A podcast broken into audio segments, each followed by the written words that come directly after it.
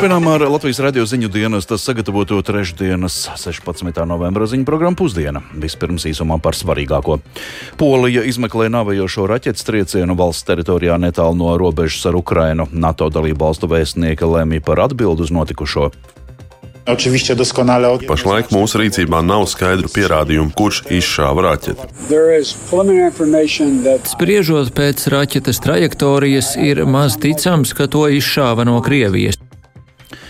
Cilvēki Rīgas ielās vērtē raķetes triecienu Polijā. Nu, es ļoti ceru, ka tas ir tikai nu, kaut kāds nejaušs. Es ļoti tā ceru. Ceru, ka, ka NATO rīkosies. Augsta inflācija un kredītu procentu likmju kāpums būtiski ietekmē kredītņēmēju spēju sekt kredītsaistības. Šie un citi temati turpmākajās minūtēs.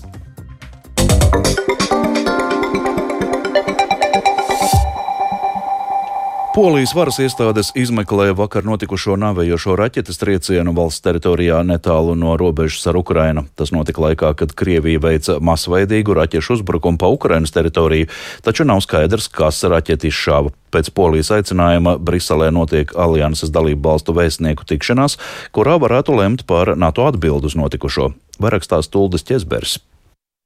Krievija vakar veica plašākos raķešu triecienus Ukrainā kopš pilna apmēra iebrukuma 24. februārī, daļai no raķetēm nokrītot arī valsts rietumos esošajā Ļuvijas apgabalā, kas robežojas ar Poliju. Ukrainas prezidents Volodimirs Zelenskis paziņoja, ka Krievija izšāva 90 raķetes, no kurām vairāk nekā 70 notrieca Ukrainas pretgaisa aizsardzības sistēmas. Polijas valdība vakar vakarā apstiprināja, ka divi cilvēki ir nogalināti raķetes triecienā Pševodovas ciemā valsts austrumos netālu no robežas ar Ukrainu, taču varas iestādes turpina izmeklēt, kurš ir atbildīgs par raķešu izšaušanu Polijas virzienā, sacīja valsts prezidents Andrzejs Duda. Wiemy oczywiście doskonale o tym, że przez cały dzień praktycznie trwał rosyjski atak rakietowy właśnie. Mēs zinām, ka Krievijas raķešu uzbrukums Ukrainai ilga praktiski visu dienu, taču pašlaik mūsu rīcībā nav skaidru pierādījumu par to, kurš izšāva raķeti. Notikuma vietā strādā izmeklētāji, kuri, esmu pārliecināts, noskaidros šo jautājumu. Visticamāk, ka tā bija Krievijā ražota raķete, bet izmeklēšana vēl turpinās. Ziņu aģentūra Associated Press, atsaucoties uz vairākām ASV valdības amatpersonām, vēsta, ka Polijas teritorijā varētu būt nokritusi Ukrainas raķete, ko izšāva, lai notriektu Krievijas raķeti. ASV prezidents Joe Bidenis šodien atbildot uz žurnālista jautājumu, vai raķeti izšāva no Krievijas, to neapstiprināja. Sākotnējā informācija to apstrīd. Es nevēlos to teikt, kamēr nav noslēgusies izmeklēšana, bet spriežot pēc raķetes trajektorijas, ir maz ticams, ka to izšāva no Krievijas, bet tad jau redzēsim.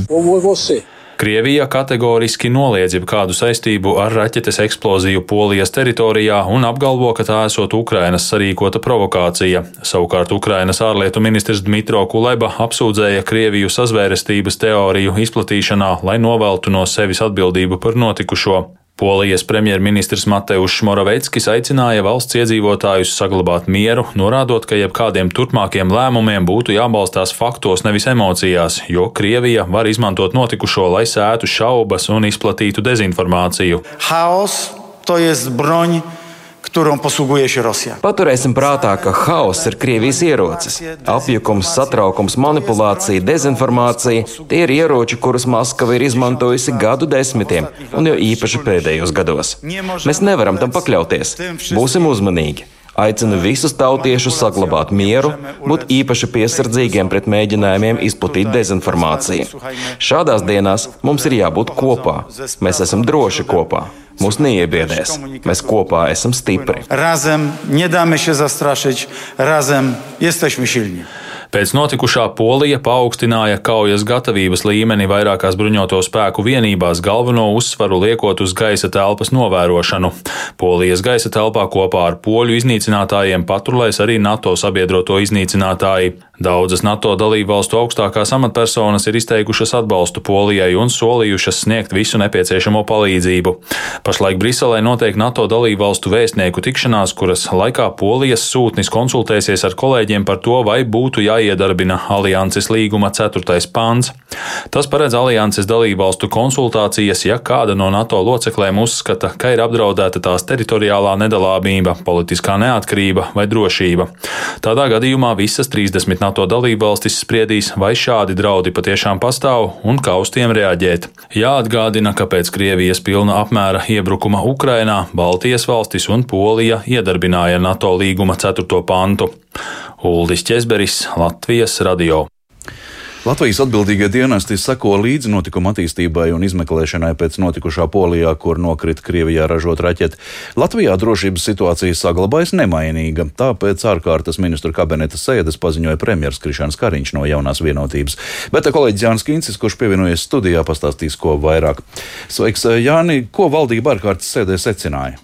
Jā, sveiks, ģērts, sveicināti radio klausītāji. Valdības ārkārtas sēde nebija gara, tā ilga apmēram pusstundu, un pēc tās premjeras Krišņāns Kariņš no jaunās vienotības uzsvēra, ka atbildīgie dienesta aizsardzības un ārlietu resorā un valdība būs gatavi reaģēt kādas vajadzības gadījumā, ja tāda rastos. Taču šobrīd būtiskākais, ka šajā brīdī drošības situācija Latvijā nav mainījusies. Paklausīsimies premjera teikto.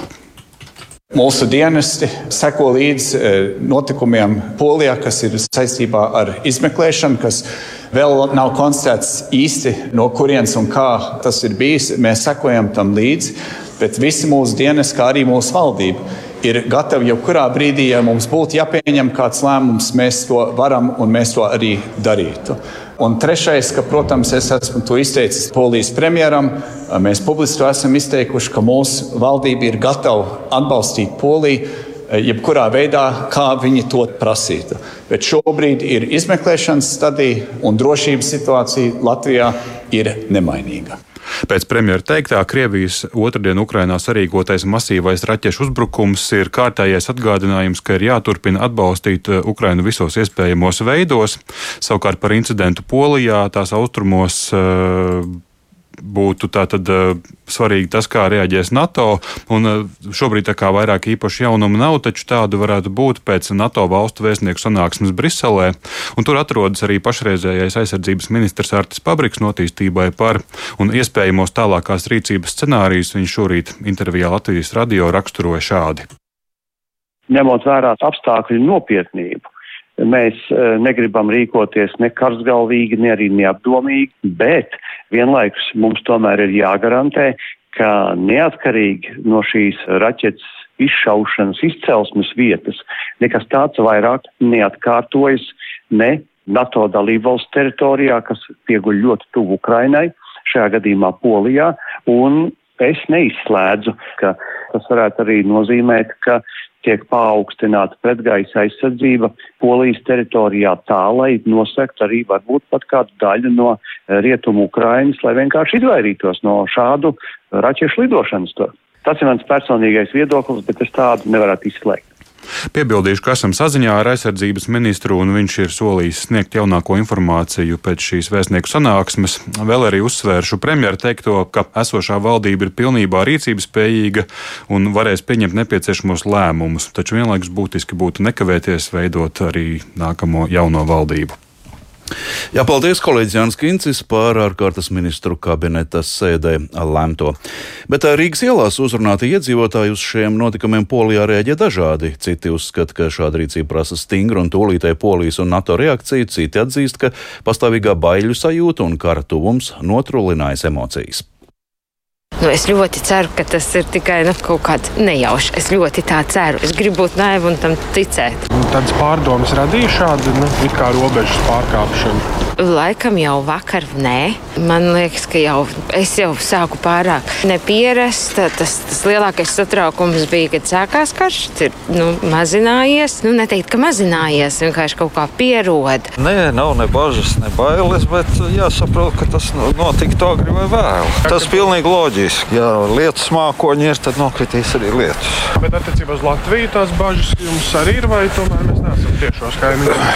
Nu, protams, ka jārēķinās ar tādu iespēju. Būt muļķīgi, nebūt piesardzīgam. Es jau esmu gatavs. Iesaku citiem arī. Es tikko atbraucu no Lielbritānijas. Nē, nemaz neesmu. Nē, es ne, ne, не смотрю šitās tie ziņas sliktas. Nu, jau ir jau tā, jau ir sadzīvojums ar to visu. Nu, protams, negribās ir tā baiļu sajūta, bet, nu, cerams, Dieviņš būs ar mums un nekas tāds nebūs. Jā, jau vakar dzirdējām. Bāžas varbūt gluži nē, es ceru, ka NATO rīkosies. Jūs gribētu? Jā, obligāti noteikti. Nu, briesmīgi. Es nekādi nespēju sagramot, kā tas karš tik ilgi var vilkties. Man liekas, ka tas ir nu, absurds vienkārši. Ka sen jau tam vajadzēja atrisināties mierīgu pārunu ceļā. Kā jūs redzat, kā NATO būtu jārīkojas jūsuprāt? Nu, man liekas, ka tomēr vajadzētu runāt kaut ko. Es domāju, ka nu, jebkurš saprātīgs cilvēks saprot, ka nu, nevar šitā uzvesties tā, kā Putins šobrīd dara. Ir kaut kas jārisina, un ja viņš neiziet uz tām pārunām, nu, tad ir jādomā tālāk, kā to risināt.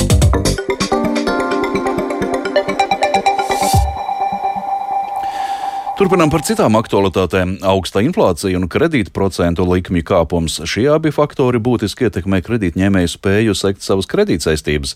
Pirms brīža Finanšu nozars asociācijā Komercbanku pārstāvji mēdījus informēja par to, kāda situācija pat laban ir mājokļu kreditēšanas jomā, un vai ziemas periodā kredītņēmējiem ir sagaidāmas grūtības ar mājokļu kredītu atmaksu.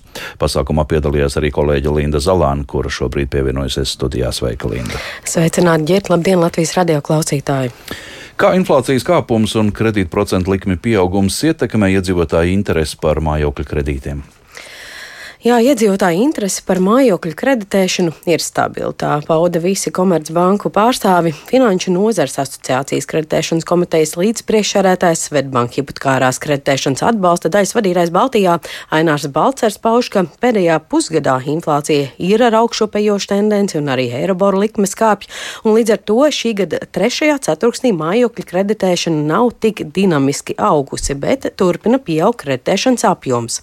Tas notiek uz nekustamā nekustamā īpašuma cenas pieauguma rēķina, proti kredīta summa pieauga. Dzīvokļu segmentā cenu korekcija šogad ir 10% robežās, bet labā ziņa ir tā, ka salīdzinot šoreiz ar kaimiņu valstīm Latvijā, nekustamā īpašuma cenas korekcija ir mērenāka nekā Lietuvā un Igaunijā. Balcers gan atzīmē, ka pieprasījums kļuvis piesardzīgāks, interesi pēc mājokļu kredītiem ir, bet cilvēki vēl rūpīgāk nekā līdz šim izvērtē aizņemšanās iespējas un mājokļu pirkuma ietekmi uz maisemniecību lauksaimniecības budžetu. Aizņēmēju prātus aizņem arī tas, kā attīstīsies eiriboru un procentu likmes, jo tas tiešām mērā ietekmē aizņēmēju maciņu. Bankas citadela ekonomists Mārtiņš Āboliņš pauž, ka tirgus sagaida, ka bāzes un eiriboru likmes šogad varētu sasniegt 3%. Tas nav kritiski, jo vēsturiski Eiropā ir bijuši īslaicīgi brīži, kad likmes ir bijušas 4 un 5% apjomā. Āboliņš arī akcentē, ka Eirozonā procentu likmes ir vienas no zemākajām pasaulē. Jā, procentu likmes ietekmē parāda apkalpošanu, parāds kļūst dārgāks, bet tas pēc Āboliņa teiktā ir teju vienīgās zāles, kā savaldīt augšupejošo inflāciju. Labā ziņa ir tā, ka Latvijas parāda līmenis ir viens no zemākajiem Eiropā un iekšējā ekonomika mums ir sabalansēta ar zemu parādu līmeni. Vai kredītņēmēji jau ir vērsušies bankā pēc palīdzības? Svetbanka pārstāvis Ainars Balcers uzsver, ka mājokļu kreditēšanas portfelis Latvijā šobrīd ir teicamā stāvoklī, un kredītņēmēji tiek galā ar pieaugušām procentu likmēm. Un paklausīsimies Balcer paustajā, vai kredītņēmēji jau ir vērsušies bankā pēc palīdzības un kādu sagaida šo ziemu. Šobrīd maksājumi ir teicamā stāvoklī, jā, neskatoties uz to, ka jau virkni mājsaimniecību izjūt šo procentu likmi pieaugumu, es teiktu, ka pieprasījums pēc kredītu restruktūrizācijas arī ir ļoti zems. Tātad vairumā gadījumā mājsaimniecības ir spējušas kaut kā pārstruktūrēt savus tēriņus un savus budžetus. Tas, ko mēs sagaidām, noteikti būs maisaimniecībām, kurām šis pieaugums kredītu maksājumos kombinācijā ar lielākiem apkurses rēķiniem radīs nepanesamu slogu. Ja mēs šeit runājam par 5, man liekas, 7%. Tad tas varētu būt tas potenciāli, tas uh, mājsaimniecību lokus, kas uh, varētu atnākt pēc uh, kāda risinājuma uz bankām. Un atkal varbūt vēlkam šeit paralēlis ar Covid krīzes laika, kas nesenāk atmiņā visiem ir, tad uh, bankas labi nodemonstrē, ka spēja tikt galā arī ar pietiekami lielu pieteikumu apjomu attiecībā uz kredītu restruktūrizāciju, bet atkal šeit es droši vien teiktu, ka mēs nesagaidām tādu vienā mēnesī tik, tik strauju pieplūdumu dēļ tā, ka šī problēma pakāpeniski ienāk maisaimniecībās gan caur procentu likmju pieaugumu, gan arī caur rēķinu pieaugumu. Jā, bet tomēr jāņem vērā arī fakts, ka ne visiem jau ir piemērots paaugstināsās procentu likmes, un ne visi jau ir saņēmuši pirmo rēķinu par siltumu. Tomēr Komercbanku pārstāvi prognozē grūtu ziemu, bet ir optimistiski sakot, ka kredīt, kredītņēmēji to pārdzīvos, jo Latvijas sabiedrība pēdējos 12 gados finanšu spējas jomā gājusi pozitīvā virzienā. Ienākumi auguši straujāk nekā kredītu apjoms. Jā, paldies Linda Zalāna par situāciju mājokļu kreditēšanas jomā.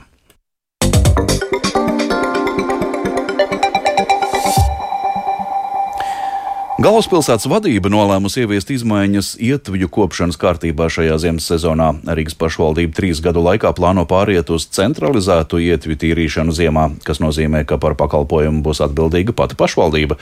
Šogad Rīgas doma ietvju tīrīšanai paredzējusi 150 tūkstošus eiro, nākamgad pusmiljonu eiro. Nu pat no Rātslaukuma studijā ieradusies kolēģe Linda Spundiņa, kur uzklausīja Rīgas gatavības plānus ziemas sezonai. Sveika, Linda! Sveiks, ģērt, labdien, klausītāji! Kas mainīsies ietvi uzturēšanas kārtībā Rīgā?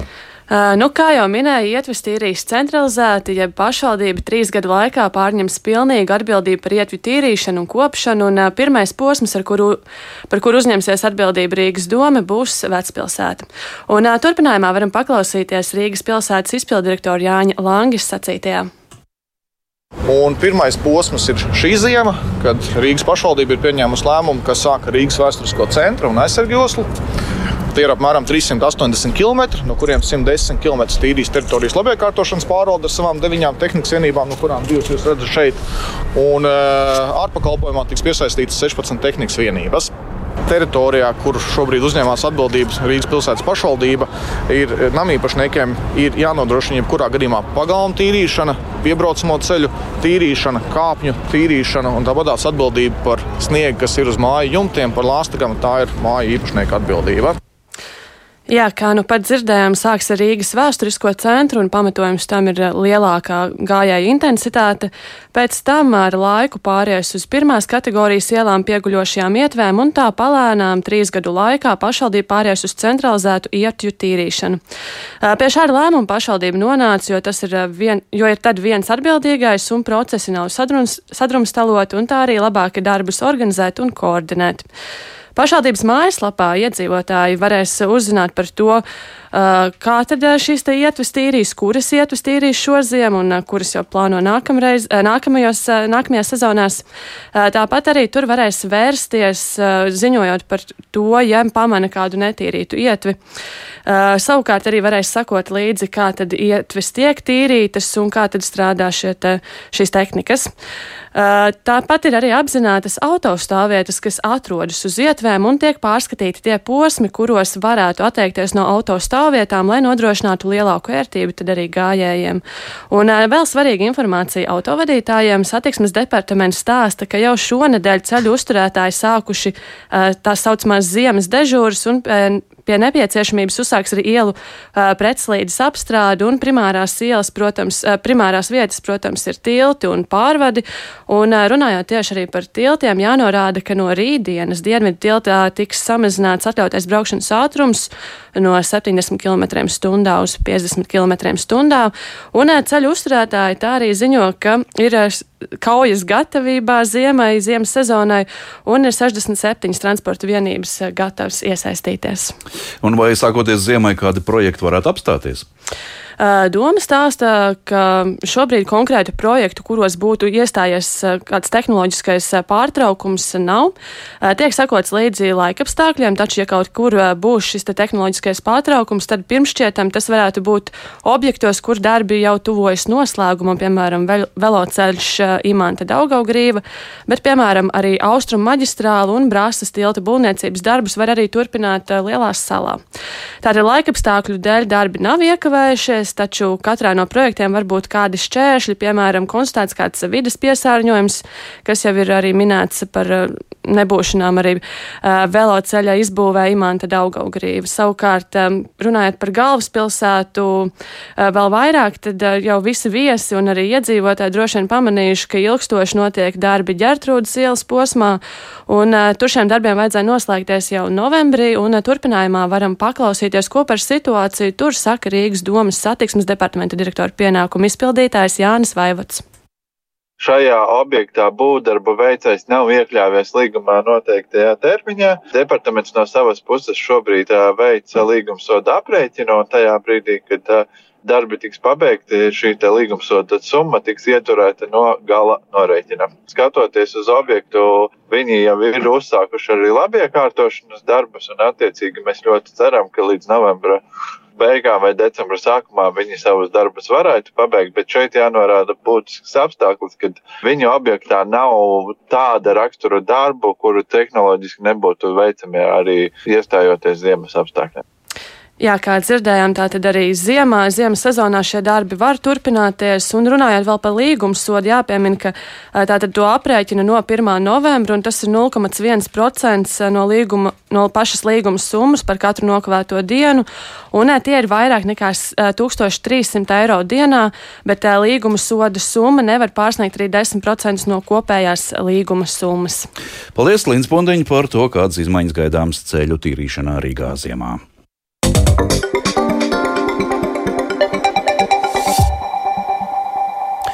Latvijā uzstādītas vairāk nekā 300 mākslīgo likstuvietu kritiski apdraudētajiem ūpiem. Par to plašāk Sintīs Ambots ierakstā. Meža īpašniece Dzintra Elberta rāda vienu no ūpja likstošanas platformām, kas pērn uzstādīta viņas mežā straupes pagastā. Gaujas senlējas klints atseguma malā no metāla mucas veidotā silē līdzīgā platforma, uzstādīta lielā ar sunām apauguša koka zarā vairāku metru augstumā. Meža īpašnieku biedrībai bija šāds projekts, un viņi piedāvāja piedalīties, un uh, tas bija skaidrs, ka es piedalos, tikai jautājums, kā un cik es varu palīdzēt. Un tad kopumā man ir sešas platformas dažādās vietās. Tas ir gan upim, gan pūcei. Jā, gan, gan. Kāpēc jūs tādu lēmumu pieņēmāt? Jo ne visi jau nu. saimnieki to dara, vai, nu jā, vai dažādu apsvērumu dēļ, bet kā jūs tā nonācāt pie tā? Nu, tāpēc, ka uh, meža īpašnieki nav tikai cilvēki, kas uh, zāģē un, un stāda mežu, bet meža īpašnieki var būt arī ar citām interesēm. Tā skaitā palīdzēt pūcēm un gribam, lai sadzīvo gan, gan. Dzintrē kopumā ir ap 200 hektāru meža, lielākoties Gaujas Nacionālā parka teritorijā, taču viņai ir arī saimnieciskie meži, kur likstu platformas gan netiek veidotas, jo līdzīgi kā citi privātu saimniecisku mežu īpašnieki, Dzintra atzīst, ka nevēlas riskēt ar zaudējumiem, ja vietā noteiktu mikroliegumu, par ko šobrīd nav adekvātu kompensāciju īpašniekiem. Ja jūs domājat, ka jums no meža būs 100 tūkstoši, mm -hmm. nocirtīsiet, jums tagad ir liksta un jūs dabūniet, teiksim, tur 1200 eiro katru gadu, tad izrēķiniet, cik laika vajadzēs, lai dabūtu tos 100 tūkstoši. Ja? Vides aizsardzības fonda un meža īpašnieku biedrības projektā pērn kopumā uzstādīti 45 būri urālpūcei un 37 platformas ūpju likstošanai. Projektam piesaistītais dabas eksperts ornitologs Gaidis Grandāns stāsta vairāk par kritiski apdraudēto ūpju populāciju Latvijā. Upes ir uh, Latvijā nu jau ilgstoši suga, kuras populācija ir būtiski samazinājusies un ticams, ka turpina samazināties. Tas populācijas lielums ir vērtējams šobrīd, nu, faktiski tie daži desmiti pāri. Tas ir vēsturiski bijusi tieša iznīcināšana, šaušana, kas, protams, pēdējos gados nekas tam līdzīgs vairs nenotiek, bet tā populācija ir tik novājināta un tā ir ilgi dzīvojoša suga, ka tā atjaunošanās notiek ļoti lēnu, arī antropogēnā slodze tai populācijai, kas likstoja iežu atsegumos, teiksim, Gaujas Nacionālajā parkā. Un ir tā, ka Latvijā arī tradicionāli upes liksto uz zemes dažādu dabisko plēsēju slodzi. Tā kā jā, nu, diezgan bēdīgi ar to upiet, un jācer, ka pēc projekta beigām izdosies turpināt šo te līgstu pārbaudu, lai tad uzzinātu tās sekmes ar īpašnieku palīdzību, es tā ceru. Ornitologi saka, ka privātajos mežos un dabas pārvaldes teritorijās pērn uzstādītās upju līgstas pagaidām apsakotas bez īpašām sekmēm, taču šīs platformas var kalpot pat vairāk kā desmit gadus, līdz putni tās varētu atrast. Sinti Amboti, Latvijas radio. Līdz ar to izskan 16. novembra ziņu programma pusdiena. Producēja Viktors Pupiks, par labskaņu rūpējās Katrīna Bramberga un Ulris Grīnbergs, studijā ķercauzāns. Vēlīs par svarīgāko. Polija izmeklē nāvējošo raķetes triecienu valsts teritorijā netālu no robežas ar Ukrainu. Latvijā drošības situācija saglabājas nemainīga. Rīgas pašvaldība ziemā pati tīrīs ielas. Augsta inflācija un kredītprocentu likmju kāpums būtiski ietekmē kredītņēmēju spēju sekt kredītsaistības. Yeah.